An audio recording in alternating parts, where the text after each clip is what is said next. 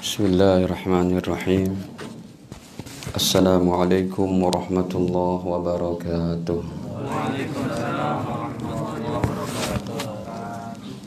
إن الحمد لله نحمده ونستعينه ونستغفره ونعوذ بالله من شرور أنفسنا وسيئات أعمالنا من يهده الله فلا مضل له ومن يضلل فلا هادي له أشهد أن لا إله إلا الله وحده لا شريك له وأشهد أن نبينا محمدا عبده ورسوله لا نبي بعده. اللهم صل وسلم عليه وعلى آله وصحبه ومن اتبعهم بأسان إلى يوم القيامة أما بعد. فيا معشر المسلمين والمسلمات أوصيكم ونفسي بتقوى الله فقد فاز المتقون. قال الله تعالى يا أيها الذين آمنوا اتقوا الله حق تقاته ولا تموتن إلا وأنتم مسلمون Alhamdulillah Hadirin para jamaah yang dirahmati Allah Ta'ala Puji syukur kehadiratnya atas segala limpahan nikmatnya pada kita Terutama sekali Nikmat iman, Islam, sehat, afiat Nikmat masih diberikannya kita kesempatan oleh Allah Ta'ala dalam kesibukan kita pada siang hari ini Allah masih dudukkan hati-hati kita untuk menjalankan satu kewajiban yang besar yaitu sholat zuhur secara berjamaah dan duduknya seseorang dalam kajian ilmu adalah merupakan duduk satu ketaatan yang teramat besar di sisi Allah Subhanahu wa taala. Semoga senantiasa Allah terima amal-amal kita dan diberikannya kita kelanggengan istiqomah dalam iman dan amal soleh. Amin ya rabbal alamin. Hadirin, kita masih tema lanjutan pada pertemuan bulan lalu yaitu tentang tematik kehidupan di alam kubur. Satu kehidupan yang kita pasti akan datang kepadanya, akan sampai kepadanya cepat atau lambat. Dan ini juga untuk menunjukkan manusia itu semuanya lemah. Sekalipun tampaknya secara zohir, hari ini ada manusia yang punya embel-embel sampai sekian-sekian, punya gelaran education sampai sekian-sekian, punya nasab keturunan sampai sekian-sekian. Ketika seseorang sudah masuk alam kubur, semuanya adalah kembali kepada nol apa yang dia miliki dari embel-embel kehidupannya, status ekonomi, pendidikan, strata kesarjanaan, kekayaan pangkat jabatan, semuanya di alam kubur tidak ditanyakan sama sekali. Ini yang kita harus menjadi uh, apa sebuah pelajaran dan alam kubur akan kita datangi secepat daripada uh, apa takdir Allah taala. Karena sekarang ini kita sedang balapan sebenarnya Pak. Balapan sama malaikat maut. Cepat mana ini malaikat maut mengambil nyawa kita atau amal soleh kita yang selalu kita kejar? Semua kita sadar nggak sadar? Ya mungkin maghrib nanti kita sudah kembali kepada Allah. Mungkin masih 3, 4 tahun, 5 tahun, 10 tahun tapi pastilah di antara kita semua di sini nggak ada yang sampai 100 tahun lagi, Pak. Betah banget sih di Unilever gitu ya. Sampai 100 tahun lagi udah umur berapa kan gitu. Hadirin, kita sudah lewati beberapa dalil yang kami berikan. Al-Qur'annya ini pertemuan bulan kemarin surat Ghafir sebagai uh, dalil utama bahwa kehidupan di alam kubur ini ada dalam Al-Qur'annya. النار يعرضون عليها غدوا وعشيا ويوم تقوم الساعة أدخلوا آل فرعون أشد العذاب Surat Ghafir surat ke-40 ya pada ayat ke-46 Allah ceritakan bagaimana tentang keadaan Fir'aun dan bala tentaranya yang sudah masuk alam kubur. Allah berfirman di sini, "An-naru yu'raduna 'alaiha." Api ataupun neraka yu'radun ditampakkan disodorkan alaiha kepada Fir'aun dan bala tentaranya. Hudu wa asya pagi petang pagi petang kata Allah. Huduwa ini pagi, asya petang. Berarti di kuburnya. Karena di akhirat tidak ada hitungan pagi petang. Yang kedua, kalimat selanjutnya, wa dan ketika bangkit hari kiamat nanti. Siksanya lebih berat Adkhilu ala Fir'aun Wahai para malaikatku Masukkanlah ala Fir'aun Fir'aun dan bala tentaranya Asyaddal adab Kepada siksa yang lebih pedih Siksa kubur ini pedih Dan neraka lebih pedih Allah Ta'ala pakai grammar Arabnya di sini dengan isim tafdil Isim tafdil kalau kita ngaji nausorob itu bahasanya kayak afdol, afdol dengan wazan bahasanya itu adalah af'al, menyatakan lebih. Contoh gampangnya Anda sering kata-kata afdol, dengar itu. Apa arti afdol? Lebih baik, lebih utama. Ahsan, lebih baik. Akbah, lebih buruk. Asyad, lebih keras. Lebih pedih siksa di neraka nanti. Kalau mengartikan Al-Quran secara grammar itu lebih indah. Banyak yang bisa kita Eh, gali di situ. Cuma kalau yang terjemahan ada di Anda download dari kema, ke, terjem, ke, apa, terjemahan Kementerian Agama itu terjemah mafhum artinya. Baik. Hadirin, kita sudah masuk pada uh, empat poin ya. Yang pertama alam kubur menyeramkan. Saya tidak ulang kembali hadisnya. Hadisnya derajatnya Hasan Sohih riwayat Imam Tirmidzi kisah daripada Utsman bin Affan yang langsung nangis kalau ketemu kuburan yang di situ beliau mendengar Nabi bersabda bahwa kubur merupakan tempat singgah innal qabra awal manazil akhirah kubur tempat singgah pertama kehidupan akhirat fa inna jaminhu siapa yang selamat di alam kuburnya fase kehidupan akhirat selanjutnya akan lebih mudah mahsyarnya mudah syafaatnya mudah timbangannya mudah sirotnya mudah mendapat minuman dari telaga kausar baginda Rasul mudah tetapi siapa yang susah di alam kuburnya, ke sananya lebih hebat, lebih susah lagi. Di situlah Utsman bin Affan menitikkan air mata. Yang kedua alam kubur gelap gulita. Ini juga sudah kami sampaikan derajat hadisnya sahih riwayat Imam Bukhari ketika ada ibu-ibu merebot Masjid Nabawi yang meninggal dunia. Lalu Rasul nggak terima karena beliau tidak dikabarkan tentang kematiannya. Kata Rasul, mana kuburan ibu ini? Kok saya nggak dikasih tahu kalau beliau meninggal? Ya Rasul Tuhan sangat sibuk dengan perkara pemerintahan masalah ini mengutus para gubernur Tuhan mengutus jamaah dakwah jamaah jihad ke seantero jazir Arab. Tuhan mengayomi para yatim para janda yang suaminya mati visabilillah Tuhan menyampaikan wahyu yang sampai semalam Wahai Rasul, Tuhan ini sangat sibuk. Ini meninggalnya merbot Masjid Nabawi. Udahlah perkara ini remeh, ringan, udah kami kerjakan jenazahnya proses prosesinya dengan keluarganya. Kata Rasul tidak saya tidak terima. Di mana kuburannya? Di situ Rasul sholat jenazah ini termasuk sunnah Nabi yang di yang tidak diketahui banyak umat Islam. Kita boleh sholat, jenazah sekalipun jenazah sudah dikubur. Hadis Sahih Bukhari. Syaratnya tanah masih basah. Sehari dua hari sepekan dua pekan. Jangan udah 30 tahunan. Itu nggak berlaku ya. Yang ketiga, himpitan alam kubur. Ini lebih menyeramkan lagi. Hadisnya pun kami ambil dari Sahih Bukhari, dari Sunan Nasai. Sa'ad bin Mu'az dijamin surganya, Abu Bakar surganya, Umar surganya, Ali surganya, Utsman surganya, Sa'ad bin Abi Waqqas surganya sudah dijamin, Zubair bin Awam, Talha bin Ubaidillah, kemudian Abu Ubaidillah ibnul Jarrah, Sa'ad bin Zaid, ataupun imam daripada para sahabat, yaitu Ubay bin Ka'ab. Suara yang terindahnya adalah sahabat Ubay bin Ka'ab.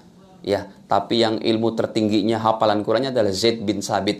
Ini orang-orang udah dijamin surganya. Tapi dengan demikian kata baginda Rasul, tetap mereka terkena himpitan kubur. Hadis sahih riwayat Imam Bukhari. Cuma himpitan kuburnya dalam waktu sekejap sebagai formalitas. Karena begitu hebat iman dan amal solehnya langsung dihindarkan. Saya tidak tampilkan hadisnya lagi karena kita nomor 5 ini panjang banget hadisnya. Nomor 18.534.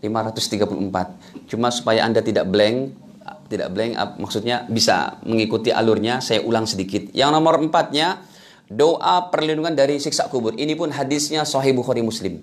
Tadi sholat saya kenapa pas akhir akhir tahiyat agak panjang? Karena memang kita disunahkan oleh Nabi baca doa dari perlindungan yang empat. Allahumma inni a'udzubika min adzabi jahannam wa min adzabil qabri wa min fitnatil mahya wal mamat wa min syarri fitnatil masihid dajjal. Atau boleh Allahumma inni a'udzubika min adzabil qabri wa min azabin nar wa min fitnatil mahya wal mamat wa min syarri fitnatil masihid dajjal. Memang redaksinya boleh berbolak-balik. Itu hadisnya banyak Bukhari, Muslim, Abu Daud. Ini nomor empat. Bahkan Imam Syafi'i berfatwa, siapa kita umat Islam yang kalau setelah fil alamina inna hamidum majid tidak baca doa perlindungan dari yang empat tadi, Imam Syafi'i menghukumi sholatnya makruh. Saking pentingnya itu doa itu. Bukhari, Muslim dan yang lainnya. Kita masuk pada pelajaran baru, poin kelima. Masih ada dua lagi ya Pak, kalau nggak cukup ya bisa juga setahun lagi tahun depan gitu ya. 2020 gitu. Ini masih ada saya saya ini saya klasifikasikan menjadi tujuh poin. Jadi yang poin lima yang belum kita bah, belum kita baca, ini ada tandanya di sini saya tulis. Tuh riwayat Imam Ahmad belum tuh, katanya belum. Ya. Ini terakhir pengajian kita pada bulan kemarin. Sebentar, laser saya mana? Hadirin, uh, kita masuk pada hadis Imam Ahmad. Hadis ini derajatnya sahih nomor 18534. Termasuk hadis yang paling paling baik sekali untuk melembutkan hati kita. Siapa kita, bukan siapa-siapalah. Enggak ada yang perlu kita sombongkan ilmu kita nggak ada apa-apanya, harta kita pun titipan Allah. Allah, nothing lah kita semuanya ini Pak. Supaya kita sadar ini bahwa kita nggak ada apa-apanya. Makanya saya sangat setuju sekali untuk dalam masalah agama tidak berdebat. Ya, saling menghormati selama dia adalah ahlus sunnah wal jamaah. Baik. Hadirin kita buka riwayat Imam Ahmad. Nomor hadisnya sudah sampai 18.534 sudah hampir tiga mau tiga kali lipat Sahih Bukhari ya. Bukhari itu paling banyak hadisnya cuma 7124 ini Imam Ahmad nomor hadisnya sudah sampai 27.000 ini kita buka hadisnya. Ini kitab asli Bapak Ibu yang saya itu kan eh ada ibu-ibu. Bahwa Pak ya. Ini kitab asli yang uh, merupakan kitab uh, apa dari perpustakaan digital yang kami beli ya saya beli ini nggak nyeplak. Ya saya beli betul. Bahkan alhamdulillah alumni alumni lain boleh nyeplak dari saya gitu. Nah kalau alumni Mesir ada yang kurang ininya nyeplak dari saya gitu. Tapi sayanya beli gitu ya. Nah jadi 18.534 ini poin kelima berarti yaitu apa tadi poin kelima? Pertanyaan nikmat dan siksa kubur Nanti poin keenamnya macam-macam siksa kubur. Poin ketujuhnya amalan-amalan yang dapat menghindari daripada siksa kubur. Kalau ada waktu, nanti enam tujuhnya saya ringkas saja biar cepat selesai semua. Ya. Takutnya udah pada mati dulu gitu ya. Enggak lah panjang umur insya Allah. Tapi kalau saya bilang gitu kira-kira salah nggak Pak ya? Saya nggak berdoa, cuma cuma kekhawatiran kita kita udah mati belum ngaji lagi hadisnya gitu ya. Tapi sebenarnya kematian itu nikmat pak, nggak perlu ditakuti. Ya, nggak perlu takuti kalau kita meninggal itu sudah semoga menjadi penutup dari uh, dosa yang berlanjutan ataupun uh, pembuka daripada amal-amal soleh. Kalau kita masih hidup terus menjadi sebuah ladang amal soleh terus. Baik, hadisnya daripada Barok bin Azib radhiyallahu anhu Hadirin ulama-ulama kontemporer sekarang bahkan yang strict dalam ilmu hadis, yang strict, yang ketat dalam ilmu hadis, terutama ulama-ulama Timur Tengah seperti Syekh Albani, Syekh bin Baz, Saleh Utsaimin ataupun guru-guru kami dari Damaskus Syekh uh, Ramdan Buti, Profesor Dr. Wahbah Zuwaili ataupun muhaddis Maroko Syekh Al Ismail Al Ghimari dan yang lainnya menyatakan hadis ini derajatnya sahih. Ya, baik. Kata Baro bin Azib Qala beliau berkata, "Kharajna ma'an Nabi." Kami pernah berangkat bersama Nabi fi janazati rajulin mengusung jenazah seorang laki-laki minal ansor dari sahabat asli penduduk Madinah. Fantahaina sampailah kami ilal qabri sampai di kuburan. Walamma yulhad ketika jenazah sudah dimasukkan ke liang lahat. Sama tuh bahasa Arabnya yulhad kita apa? Liang lahat. Emang diambil dari situ. Ya. Tapi kalau yang di Medan tuh namanya lahat apa itu? Kota ya, kota lahat gitu ya.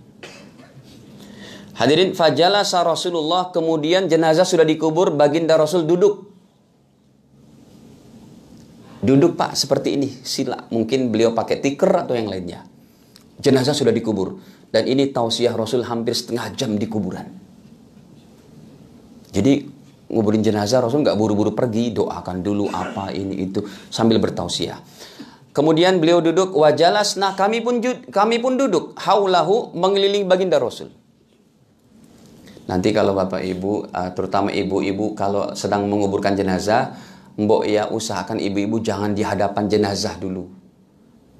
Khawatir kalau wanita-wanita keluarga mayit ini cantik-cantik lagi, nanti pandangan tidak jadi khusyuk. Di belakang dulu. Ini jarang nih kasih penjelasan kayak gitu. Ya, sekalipun ayah Anda yang meninggal, di belakang dulu para wanita. Agak menjauh dikit. Biarin itu urusan laki-laki deh yang apa? bacakan doa yang ini itu dan macam-macam.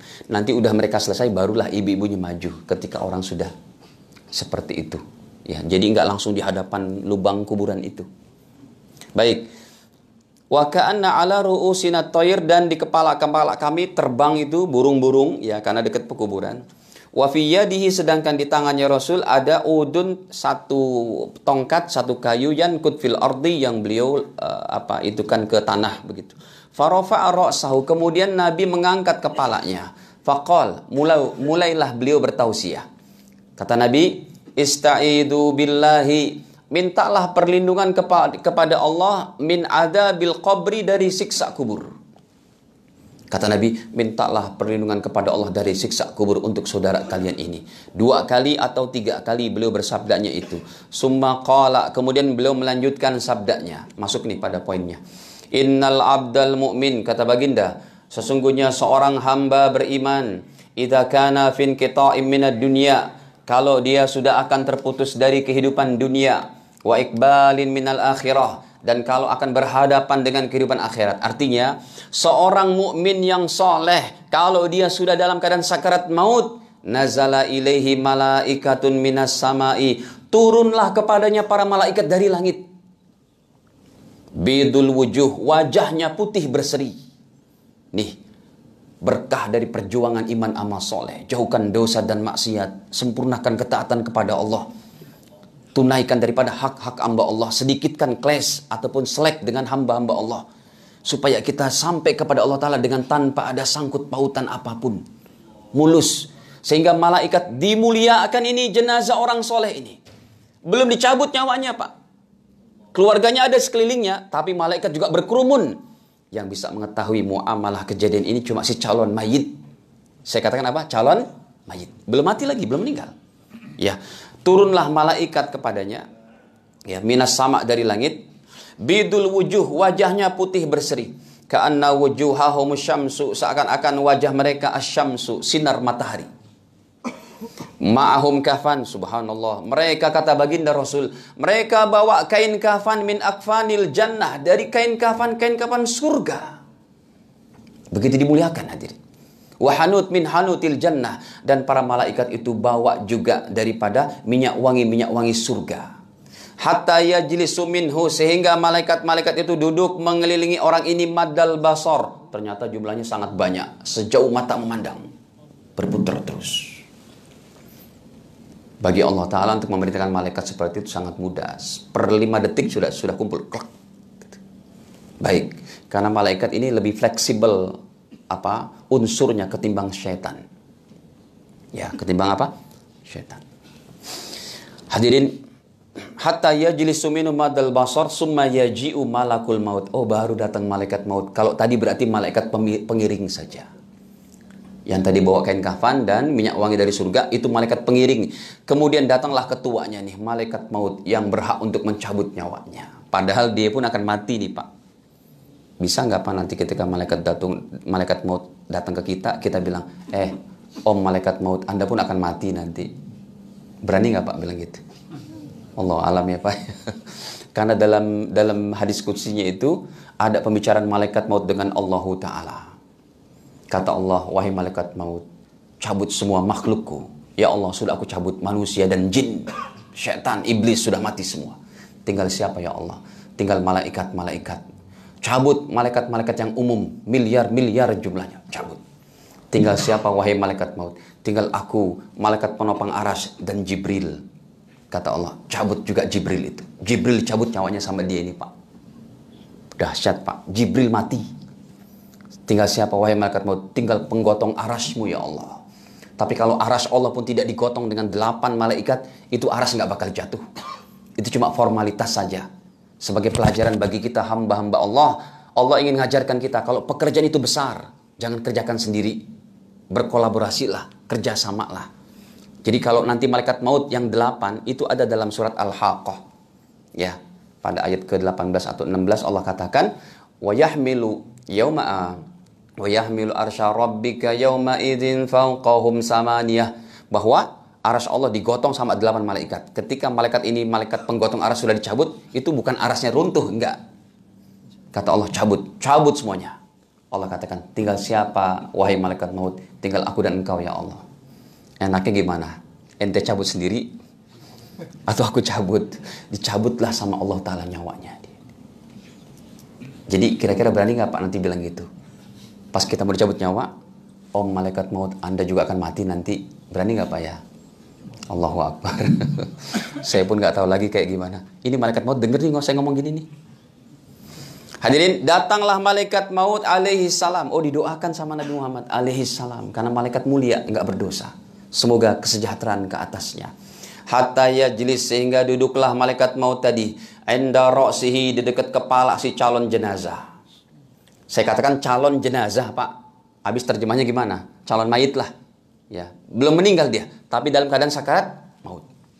Fayaqul, apa yang dikatakan oleh malaikat maut? Subhanallah, kata-katanya indah sekali. Kata malaikat maut, Tuhan nafsu thayyibah, wahai bapak jiwa yang baik, wahai orang yang soleh, wahai jiwa yang taat kepada Allah, ukhruji, keluarlah nyawamu, dicabutlah perlahan, indah sekali sama malaikat maut. Enggak sakit. Ukhruji ila maghfiratim minallah, keluarlah nyawamu kepada ampunan Allah Ta'ala. Waridwanin dan kepada keredoan Allah Ta'ala. Subhanallah. Qal Qala ini artinya Nabi bersabda. Beliau lanjutkan sabdanya. Fatakhruju tasil. Maka keluarlah nyawanya orang Islam yang soleh ini. Hamba beriman yang soleh ini. Tasilu mengalir. Kama tasilul qatrah. Sebagaimana satu air ditumpahkan daripada botol. Mengalirnya begitu nyawa seorang beriman yang soleh. Mudah. Baik, mungkin ada pertanyaan. Pak Ustadz, Rasul kita baca dalam hadis-hadis soheh. Beliau dicabut nyawanya begitu mengerikan. Teriak, sakit Jawabannya karena memang beliau minta untuk mewakili rasa sakit sakarat maut umatnya. Itu jawabannya.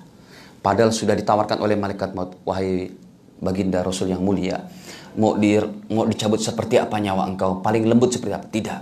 Saya ingin merasakan susahnya sakarat maut umatku. Makanya umatnya ini tidak seperti sakitnya Rasul.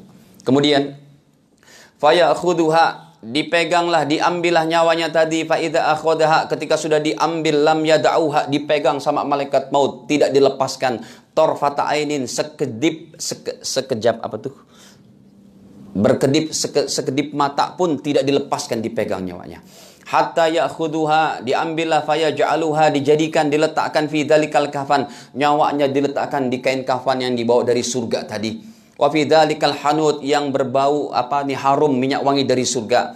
Wa yakhruju minha sehingga keluarlah daripada kain kafan yang ada nyawa orang beriman ini ka'atyabi nabhati miskin seperti harumnya minyak misik wujidat ala wajil ardi yang paling harum di permukaan bumi ini nyawa orang beriman diletakkan di kain kafan qal qala nabi bersabda beliau lanjutkan lama kan Pak ini bisa sampai 40 menit terjemahannya saja Ya, tapi masih ada waktu kan? Insya Allah sampai asar nih. Jangan amin pak. Fayas adun, kemudian dibawa nyawanya itu, biha, nyawanya dibawa. Falayamurun, tidaklah iring-iringan pembawa nyawa orang Islam yang soleh ini. Ya ini alam malain melewati satu kelompok daripada malaikat. Illa qalu. Pasti mereka bertanya ma ruh at-thayyib wahai malaikat maut ini nyawa siapa at-thayyib yang baik? Nyawa siapa? Ini kok harum sekali. Terkagum-kagum itu para malaikat yang ada di langit sana Pak hebat sekali nyawa siapa? Apa amalannya?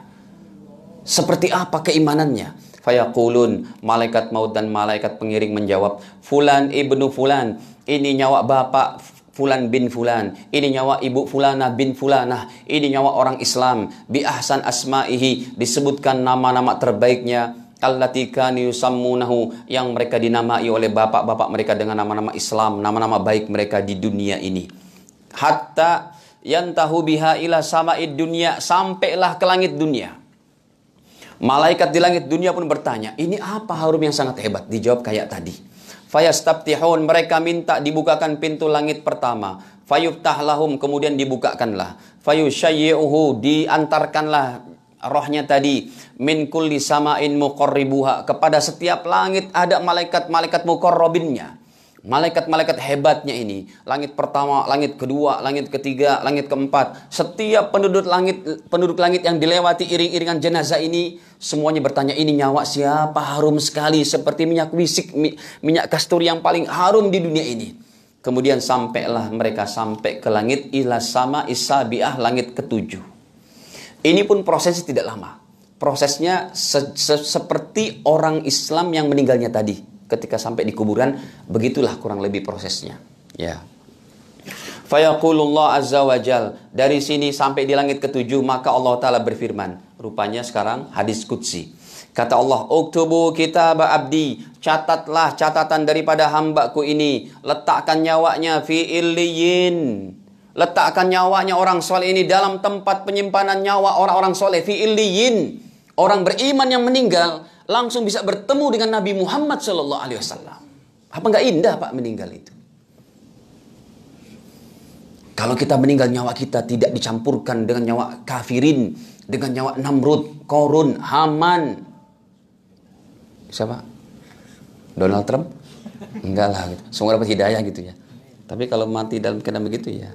Nah hadirin kata Nabi wa aiduh maka Allah katakan sekarang kembalikan nyawanya ilal ardi kepada kuburannya. Fa inni minha khalaqtuhum dari tanah aku ciptakan kata Allah.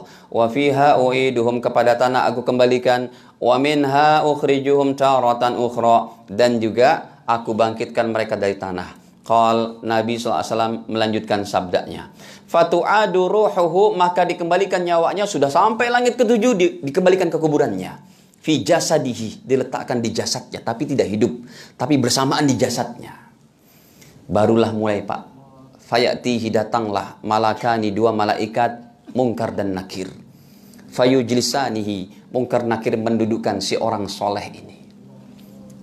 Ini baru masuk pada intinya mendapat pertanyaan di alam kubur. Fayakulan maka malaikat mungkar nakir bertanya lah hadirin pertanyaan alam kubur sudah bocor Jawabannya pun sudah bocor. Bapak Ibu pun sudah hafal pertanyaannya, jawabannya pun sudah hafal. Tapi yang akan kita hadapi nanti, yang akan menjawab daripada pertanyaan mungkar nakir bukan hafalan kita, tapi iman dan amal soleh kita. Pak Ustadz, saya udah hafal nih apa pertanyaan alam kubur? Jawabannya pun saya hafal. Man rabbuk rabbi Allah. Wa man nabiyuk Muhammadun nabi. Wa dinul Islam. Saya sudah hafal udahlah nggak perlu sholat nggak perlu gini gitu oh monggo silakan kalau mau yang menjawab di sana bukan daripada hafalan kita, tapi apa? Amal, iman dan amal soleh kita. Baik, akhirnya ditanya nih, pertanyaan pertama. Man rabbuka, wahai hamba Allah, siapa Tuhanmu? Man rabbuk. Fayaqul, ini orang soleh. Iman amal soleh menjawab dengan lantang. Rabbi Allah, eh Tuhanku Allah, tahu? Lebih galak dia ya. Itu terjemahannya begitu. Hadirin, saya bawa, saya baca, maaf. Saya baca dari kitabnya Imam Sibaw, uh, sirah biografi Imam Sibaweh, pakar nahu dari Baghdad. Pada zaman-zaman terdahulu, setiap santri yang ngaji bahasa Arab mesti ngerti nama Imam Sibaweh. Karena adalah pakar bahasa Arabnya dari masih murid-muridnya Abul Asad Ad-Duwali uh, dari muridnya Sayyidina Ali bin Abi Thalib. Ceritanya ketika beliau meninggal dunia, tapi ini nggak ada hadisnya, cuma kita dapat di dalam kitab-kitab para ulama di Baghdad dulu. Bercerita tentang malam pertamanya Imam Sibaweh. Datanglah malaikat mungkar nakir. Imam Sibaweh ditanya, eh Sibaweh, man rabbuk? Kayak begini pertanyaannya. Siapa Tuhanmu? Kata Imam Sibaweh, rupanya Imam Sibaweh balik bertanya kepada malaikat mungkar nakir. Eh mungkar nakir, ini mannya dalam grammar bahasa Arab apa?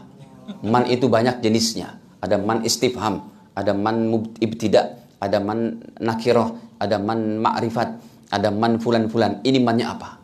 Kata mungkar nakir, embuh ya aku nggak tahu.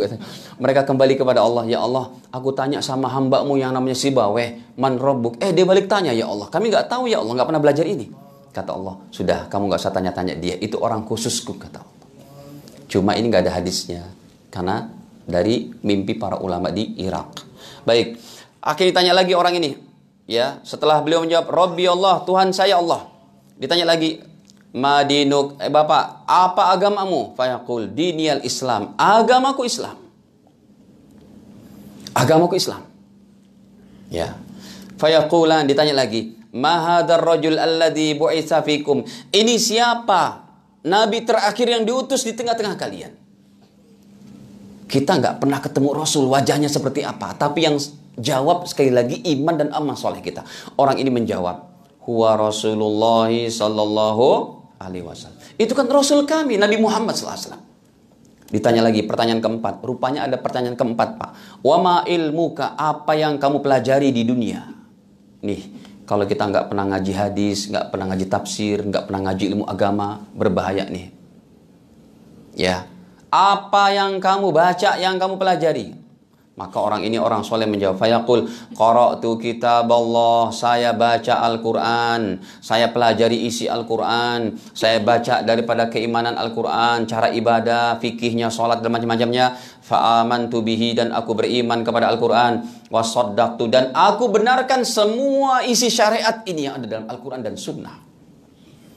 Akhirnya Allah Ta'ala menyuruh dari langit An sadaqa abdi Kata Allah Hambaku sudah benar Sekarang setelah pertanyaan Nikmat kubur Lihat. Kata Allah Fa'afrishuhu minal jannah Wahai para malaikatku. Sekarang berikan kepadanya tempat tidur dari surga. Wa albisuhu minal jannah Ganti itu baju kain kafannya.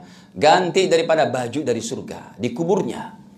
Kemudian waftahu lahu baban ilal jannah buka satu jalurnya dari kuburnya ini menuju surga fayatihi min rauhiha wa tibiha sehingga sejuknya surga harumnya surga masuk ke dalam kuburan setiap orang beriman di dunia ini.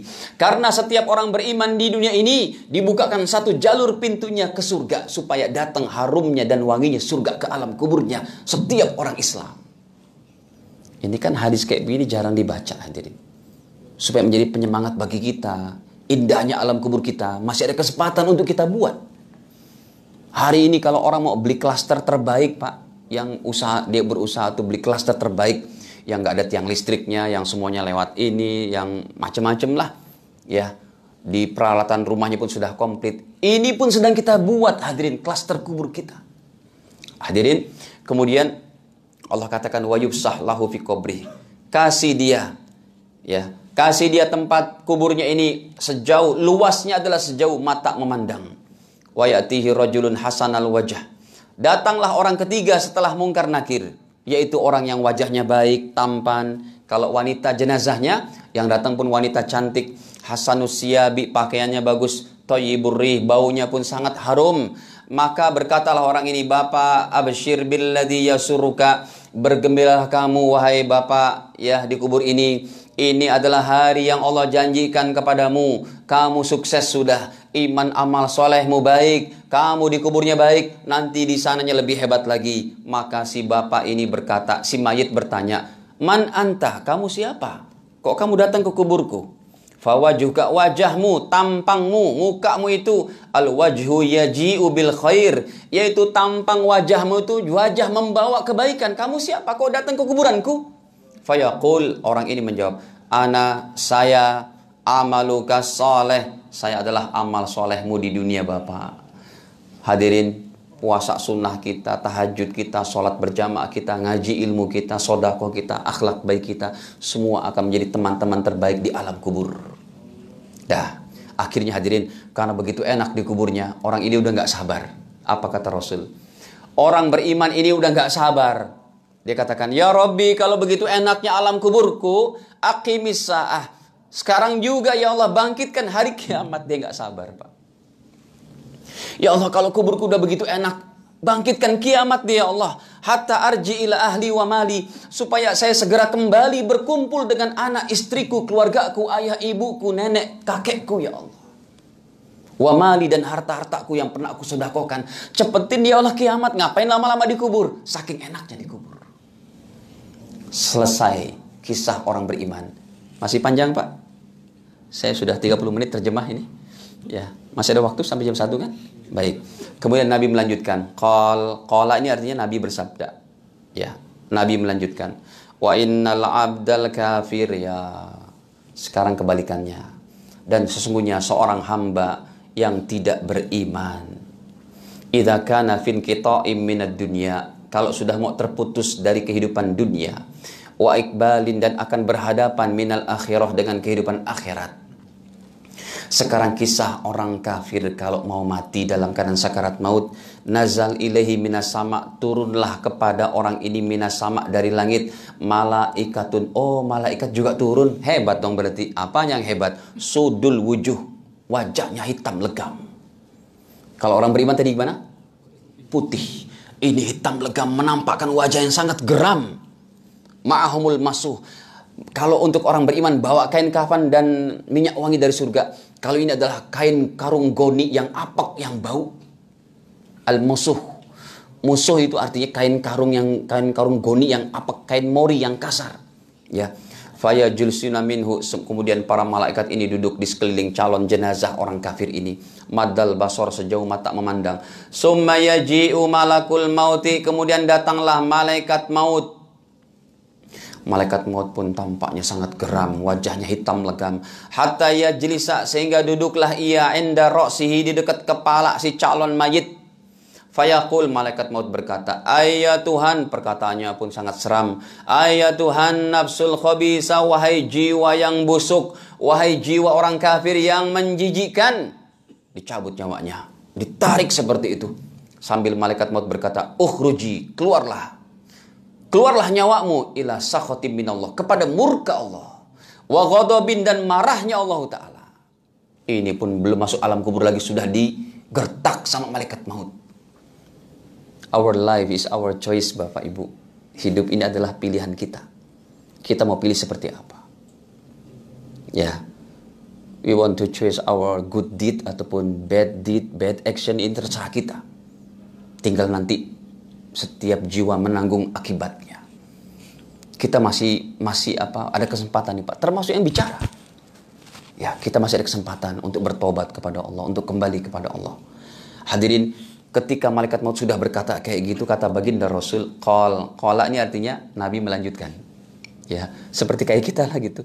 Nabi melanjutkan sabdanya. Fatu farrok fi jasadi. Nyawanya berantakan di tubuhnya. Belum cabut. Tapi berantakan, mencar-mencar ketakutan. Ada yang ke kepala, ada yang ke kaki, ada yang ke pahanya. Ya, di dalam fijasadi, di dalam jasadnya itu. Fayantaziuha dicabut nyawanya sama malaikat maut. Kama yuntaza'u sufut. Sebagaimana dicabutnya satu onggok besi. Minasufil mablul dari kumpukan, dari tumpukan kapas basah. Ngikut kapasnya itu. Tapi kalau orang beriman seperti air yang mengalir. Kemudian diambillah dan ketika sudah dipegang nyawanya sama malaikat maut lam yada'uha tidak dilepaskan. Fi yadihi tarfata ainin. Sekejap pun tidak dilepas dipegang sama malaikat maut. Kemudian ya hatta yaj'aluha fi tilkal musuh. Sehingga ditaruhlah nyawanya orang kafir ini di kain mori kain karung goni yang kasar tadi.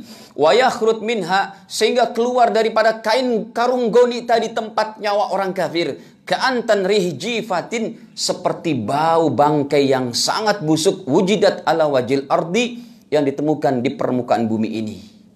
Fayas'adun kemudian dibawa naik ke langit pertama.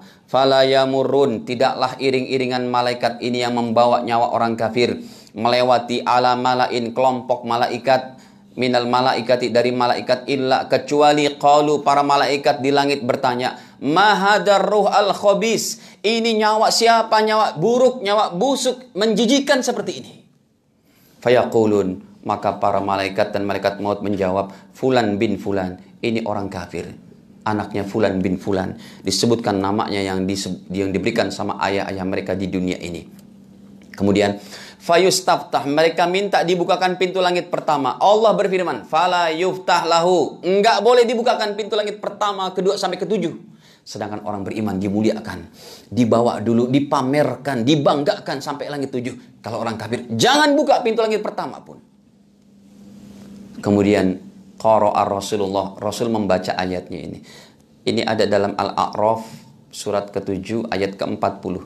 La tufattah lahum abwabus sama wa la yadkhulunal jannata hatta yalijal jamalu fi sammil khiyat. Ketika nyawanya nggak boleh dibukakan, Nabi membaca ayat ini untuk orang kafir tadi. La tufattah lahum tidak akan tidak boleh dibukakan lahum untuk orang-orang kafir. Abwabus sama pintu-pintu langit nggak boleh. Wala yadkhulunal jannah mereka pun sampai kapan tidak akan masuk surga. Hatta yalijal jamal fi sammil khiyat. Sehingga seekor ontak masuk ke dalam lubang jarum. Mustahil seekor ontak masuk ke lubang jarum. Seperti itu juga mustahilnya orang kafir masuk ke dalam surga berarti di sini Allah taala pakai logika ayat Quran pakai logika pakai analogi analogi ke atas ataupun ke bawah contohnya seekor ontak nggak bakal bisa masuk ke dalam lubang jarum. Dipersamakan dengan orang kafir. Mustahilnya. Nggak mungkin lah. Bahkan jarumnya bisa ditelan sama ontak tuh. Gimana masuk ke dalam lubang jarum. Seperti itu mustahilnya orang kafir masuk ke dalam surga. Ini surat Al-A'raf ayat ke-40. Fayaqulullahu azza. Kemudian Allah berfirman lagi. Uktubu kitabahu wahai para malaikatku letakkan nyawa orang kafir ini visi jin tuh. Ingat Pak, orang beriman dinyawakan di apa? Iliyin, orang kafir di sijin. Sinilah bertemu dengan Namrud, Korun, Fir'aun, Haman, Abu Jahal, Abu Lahab, Fulan, Fulan. Dengan Dajjal, dengan Iblis pun di sini. Ya, ini letaknya di bawah langit ketujuh. Sedangkan Ilin ada di atas langit ketujuh. Cuma nanti kalau dia mau merasakan nikmat kubur, dikembalikan nyawanya oleh Allah secepat mata memandang, mata berkedip ke kuburnya untuk merasakan nikmat kubur. Demikian juga untuk merasakan siksa kubur. Maka setelah itu, ya, fatutroh Allah katakan, lemparkan nyawanya, torha, ke dasar bumi paling bawah. Bukan dibawa pelan-pelan tuh kata Allah, lemparkan nyawa orang tidak beriman ini. Dia Aku yang kasih makan, aku yang kasih fasilitas hidup, aku yang kasih dia anak istri, pekerjaan, bisnis dan sebagainya. Nyembahnya kepada Tuhan selain aku kata Allah, nggak bakal aku ampuni dosanya. Allah Ta'ala zat yang maha pencemburu tidak akan memaafkan dosa yang namanya dosa memadu ketuhanan Allah Ta'ala. Kalau satu wanita muslimah di madu mungkin hari pertama masih ada piring terbang, gelas terbang. Insya Allah dua bulan ke tiga bulan ke depan pajero putih, pajero hitam jalan beriringan gitu ya. kalau yang paham tertawa, kalau enggak ya udahlah. Saya enggak nyebutkan orang. Artinya bisa berjalan beriringan tapi Allah dimadukan ketuhanan sampai langit pecah kata Allah. Tidak akan aku rela. Itu kan syirik namanya kan? Memadu ketuhanan bahasa sayanya. Artinya apa? Syirik. Ya begitu kan? Syirik. Apa definisi syirik? Dia menyembah Allah dan bermain mata dengan Tuhan yang lain. Dengan kekuatan yang lain. Dengan jin, dengan setan, dengan iblis. Saya nggak bilang nyi blorong ataupun nyi ror kidul ya Pak. Ya, forget it. Yang penting Indonesia nggak ribut gitu ya. Nah hadirin, jadi apa ini? Kalau ada orang dia dia sudah menyembah Allah tapi melirik ketuhanan yang lain, ini syirik. Beda lagi kalau definisi kafir. Ada empat dosa yang nggak diampuni pak dengan definisi masing-masing. Kalau kafir, dia betul-betul sudah meninggalkan Allah Taala. Kalau murtad, dia meninggalkan Islam. Kalau munafik, kalau munafik, zohirnya Muslim, tapi dalamnya membenci Allah dan Rasulnya. Persis kayak biskuit kongguan. Eh kongguan produk Oliver bukan? Bukan. Ya udah nggak apa-apa. Persis kayak persis kayak produk apa tuh biskuit kongguan yang diisi dalamnya rengginang. Biskuit munafik namanya. Itu. Ini dosa nggak diampuni pak. Dosa nggak diampuni ada empat. Ya. Tadi pertama musyrik. Dalilnya Ali Imran ayat ke 91 atau bah 80 atau bah 84. Kalau kafir Ali Imran yang nggak diterima uh, kalau musyrik ada An-Nisa 48, kemudian juga An-Nisa 116. Kalau kafir yang tadi Ali Imran 91, At-Taubah 80 Kalau murtad Ali Imran 19 dan Ali Imran 85. Kalau munafik An-Nisa 145. Itu semuanya dosa yang nggak diampuni. Tapi untuk munafik yang lebih besar dosanya karena dia berada pada keraknya neraka. Ada di An-Nisa 145. Silakan dibuka. Kita lanjutkan. Akhirnya ya Nabi membaca lagi ayatnya wa may yusyrik billahi siapa yang menyekutukan Allah taala faka'annama kharra minas sama. Ini suratnya ada surat ke-22 surat Al-Hajj ayat ke-31. Faka'annama kharra minas sama. Siapa yang menyekutukan Allah maka seakan-akan dia terjungkal dari langit karena emang dilempar nyawanya Tafsirnya begitu, ini ayatnya. Terjungkal dari langit, fatah tofu toir, disamber oleh burung. Ketika terjungkal, jatuh dari langit, burung pun menyambar, jebret. Gitu kan. Au tahwi bihirrih, ataupun dihempas oleh angin yang sangat keras. Fi makanin sahik, sampai ke tempat yang paling jauh di bawah bumi ketujuh. Itu namanya sijin. Setelah itu, Kata Nabi, fatu'adu ruhuhu. Ketika malaikat mungkar nakir sudah siap datang ke kuburnya, nyawanya dari dari bumi ketujuh diambil. Diletakkan di jasadnya lagi di kuburnya. Mulailah pertanyaan kubur. Akhirnya hadirin, ditanya dia sama malaikat mungkar nakir. Man rabbuka, eh bapak, siapa Tuhanmu? Mohon maaf, ini saya terjemahkan agak sedikit uh, uh, dengan terjemahan lain. Man rabbuka, siapa Tuhanmu? Padahal dia punya Tuhan. Dia punya Tuhan Yesus. Dia punya Tuhan ini, punya Tuhan itu. Punya Tuhan si Hyang Widi. Punya Tuhan si Sai Baba. Punya Tuhan si Sedarta Gautama. Punya Tuhan lain-lain. Tapi di depan malaikat mungkar nakir nggak bisa keluar kalimat Tuhan itu. Karena Tuhan selain Allah Ta'ala adalah batil hadirin. Apa yang dijawab oleh orang kafir ini? Hah, hah, apa ini? Apa ini? Gelagapan dia. Apa ini? Apa ini? La adri, saya nggak tahu. Ditanya lagi, Madinuka, eh bapak, apa agamamu? Maaf, dia punya agama Kristen, Buddha, Konghucu, Hindu, kepercayaan ini dan macam-macamnya atau apalagi ateis, semua tidak bisa jawab. Karena seluruh agama selain Islam adalah batil. Boleh dibuka Ali Imran 19, Ali Imran 85. Kemudian ditanya, apa agamamu? Haha, apa ini? Apa ini? La adri. Saya nggak tahu, saya nggak nggak bisa jawab. Ditanya lagi. Mahadar rajul alladhi bu'itha fikum. Ini siapa? Nabi terakhir diutus. Jadi wajah Rasul dibawa gambarannya ke dalam kubur kita. Dia menjawab lagi, la, haha, la adri apa ini? Saya nggak tahu, saya nggak tahu. Maka Allah menyeru dari langit, minas sama, angkadzaba, ini hambaku sudah bohong, sudah dusta. Fafrishuhu lahu minan nar. Kasih dia tempat tidurnya dari api neraka. Wa albisuhu minan nar. Kasih bajunya dari api neraka Wabtahu lahu baban. Setiap kubur orang kafir dibukakan satu pintunya menuju api neraka. Fayatihim min harriha. Sehingga panasnya neraka. Wasumumiha dan sumpaknya neraka. Baunya neraka jahanam sampai masuk ke dalam kubur setiap orang kafir. Sekalipun kuburnya itu diberikan daripada marmer termahal. Hakikatnya mereka sedang dalam keadaan digodok dalam kuburnya. Ini nggak bisa dibuktikan dengan sains dan teknologi. Cuma dengan ini saja kita menerima hadis ini sebagaimana ayat Quran berbicara tentang siksa neraka dan surga, kita cuma bisa mengatakan kami beriman ya Allah. Karena emang nggak bisa dibuktikan dengan sains dan teknologi.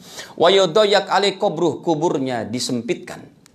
Hatta takhtalifa fihi adla'uhu sampai tulang belulangnya berceragah. Sehingga datanglah orang ketiga, Pak. Rajulun qabihul wajah. Wajahnya sangat buruk, bajunya sangat buruk, muntinur rih, baunya sangat busuk maka orang ini berkata, Bapak orang kafir, kamu sudah meninggal. Inilah rasakan apa yang telah dijanjikan oleh Tuhanmu. Yang kamu tidak pernah mau beriman kepada Allah Ta'ala Tuhanmu. Maka orang kafir ini di kuburnya bertanya, Man anta, kamu siapa? Kamu kok datang ke kuburku? Fawajuka, wajahmu itu loh, wajahmu, tampangmu itu. Al waju yaji bis syarri. Wajah yang membawa keburukan. Kamu siapa? Fayaqul. Maka orang ketiga ini menjawab, Ana saya amalukal khobis, amal burukmu di dunia. Setelah itu hadirin, karena di kuburnya pun sudah susah banget, orang kafir ini bilangnya apa? Berbeda sama orang mukmin tadi. Orang ini terakhir bilang, Robbi ya Allah Tuhanku, la tukimisa'ah. Kalau gitu ya Allah, ini kubur aja udah berat. Kalau gitu jangan kau bangkitkan hari kiamat ya Allah. Karena di neraka lebih hebat lagi. Asyadu lebih pedih lagi. Tapi nggak bisa kan, ketentuan Allah berlaku. Beda sama orang beriman. Ya Allah cepetin deh kiamat, enak banget di kubur udah enak ya Allah, apalagi di sana. Para hadirin yang dirahmati Allah, ini akhir poin kelima, yaitu pertanyaan nikmat dan siksa kubur. Ya, nanti poin ke berapa? Poin ke-6 dan ke-7 tentang macam-macam, tapi panjang banget tuh hadisnya. Ya, poin ke-6 adalah macam-macam siksa kubur ataupun poin ketujuh. Poin ketujuhnya ini aja Pak, saya sampaikan. Poin ketujuh adalah yaitu uh, apa amal-amal yang menyelamatkan kita. Yang pertama, bertobat kepada Allah dari segala dosa dan maksiat. Yang kedua, orang yang mati syahid visabilillah, bersimbah darah. Ini berarti syahid dunia akhirat, berperang di jalan Allah. Yang ketiga, makanya dari sekarang hadirin niatlah Ya Allah, kapan-kapan Imam Mahdi datang dengan perjuangannya, saya siap ikut ya Allah. Jangan sampai nggak niat. Antum kalau nggak niat sayang pak, nggak dapat pahala besar. Imam Mahdi mau datang nih pak, nggak lama lagi lah, seribu dua ribu hari lagi. Tapi lupakanlah pak, nggak usah dimasukkan hati ya. Yang penting niat saja. Kenapa saya katakan gitu? Saya buka hadisnya. Kalau kita nggak niat sayang pak, sumpahnya pun kita nggak bertemu Imam Mahdi dan Nabi Isa yang akan membawa kejayaan kedua kali ini, kejayaan Islam. Kalau kita nggak niatkan, sayang kita nggak dapat pahala syahid. Saya tampilkan hadisnya riwayat Imam Muslim sebentar. Yang ketiga nanti syahid akhirat. Orang yang orang Islam yang meninggal kena kebakaran, orang Islam yang meninggal kena tsunami, tenggelam ataupun kena apa itu puting apa tuh puting beliung gitu ya, angin puting beliung yang dia rumahnya runtuh itu matinya mati syahid dan tidak terkena sisa kubur. Yang keberapa? Keempat adalah wanita yang meninggal lagi hamil ataupun orang yang Islam yang meninggal sakit perut. Yang kelima adalah orang yang rajin baca surat tabarok. Surat tabarok dapat menghindarkan siksa kubur. Yang keenam uh, orang yang rajin tahajud ya dan dan lain-lain deh. Ini tadi saya sampaikan yang mati syahid hadirin tolong kita niatkan ya Allah kapan-kapan datang saya siap gitu ya sebab kalau toh kita nggak bertemu meninggal kita di tempat tidur ini dapat pahala syahid kita lihat hadisnya wa in mata ala firashihi nomornya pun sudah cukup jauh dalam sahih muslim. Ya. Nomornya sudah 5000 sekian. Cukup jauh. 5039 baginda Nabi Shallallahu alaihi wasallam bersabda, "Man sa'alallah syahadah." Siapa yang berdoa kepada Allah asyahadah untuk mati syahid bisidqin tapi jujur ikhlas dari hatinya ya Allah. Kapan-kapan ada perjuangan agama untuk membantu agama, untuk meninggikan agamamu ya Allah sekalipun nyawa saya melayang saya siap ya Allah. Itu jujur dia. Jujur berdoanya. Maka ballaghahullah pasti Allah sampaikan manazil syuhada ke, kepada tempat derajat orang-orang mati syahid. Wa in mata sekalipun nantinya dia mati ala firashi di tempat tidurnya. Tapi karena niatnya sudah seperti itu, tetap dia digolongkan menjadi orang yang mati syahid.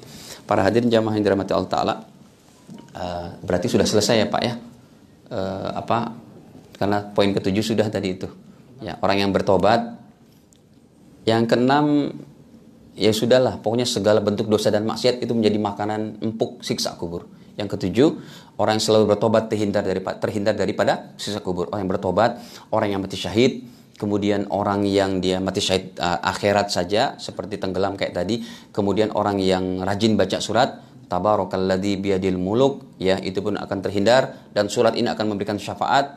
Demikian juga uh, orang yang apa rajin tahajud, sodakoh dan yang lainnya. Wallahu alam biswab. Semoga Allah taala berikan kebaikan kepada kita semuanya. Cukup ya. Kita tutup saja. Enggak ada yang ditanyakan? Saya rasa tidak ada karena sudah jelas ya Pak. Ada yang mau ditanyakan silakan. Masih ada 4 menit, 5 menit. Kalau tidak ada, sampai di sini saja. Uh, semoga senantiasa Allah Ta'ala berikan taufik hidayahnya kepada kita dan seluruh manusia dan diwafatkan kita semua dalam keadaan husnul khatimah. Amin ya rabbal alamin. Al-afu minkum ke kekurangannya saya mohon dimaafkan dan kita tutup saja dengan kepala majelis subhanakallahumma bihamdik asyhadu alla ilaha illa anta astaghfiruka wa atubu ilaik. Wassalamualaikum warahmatullahi wabarakatuh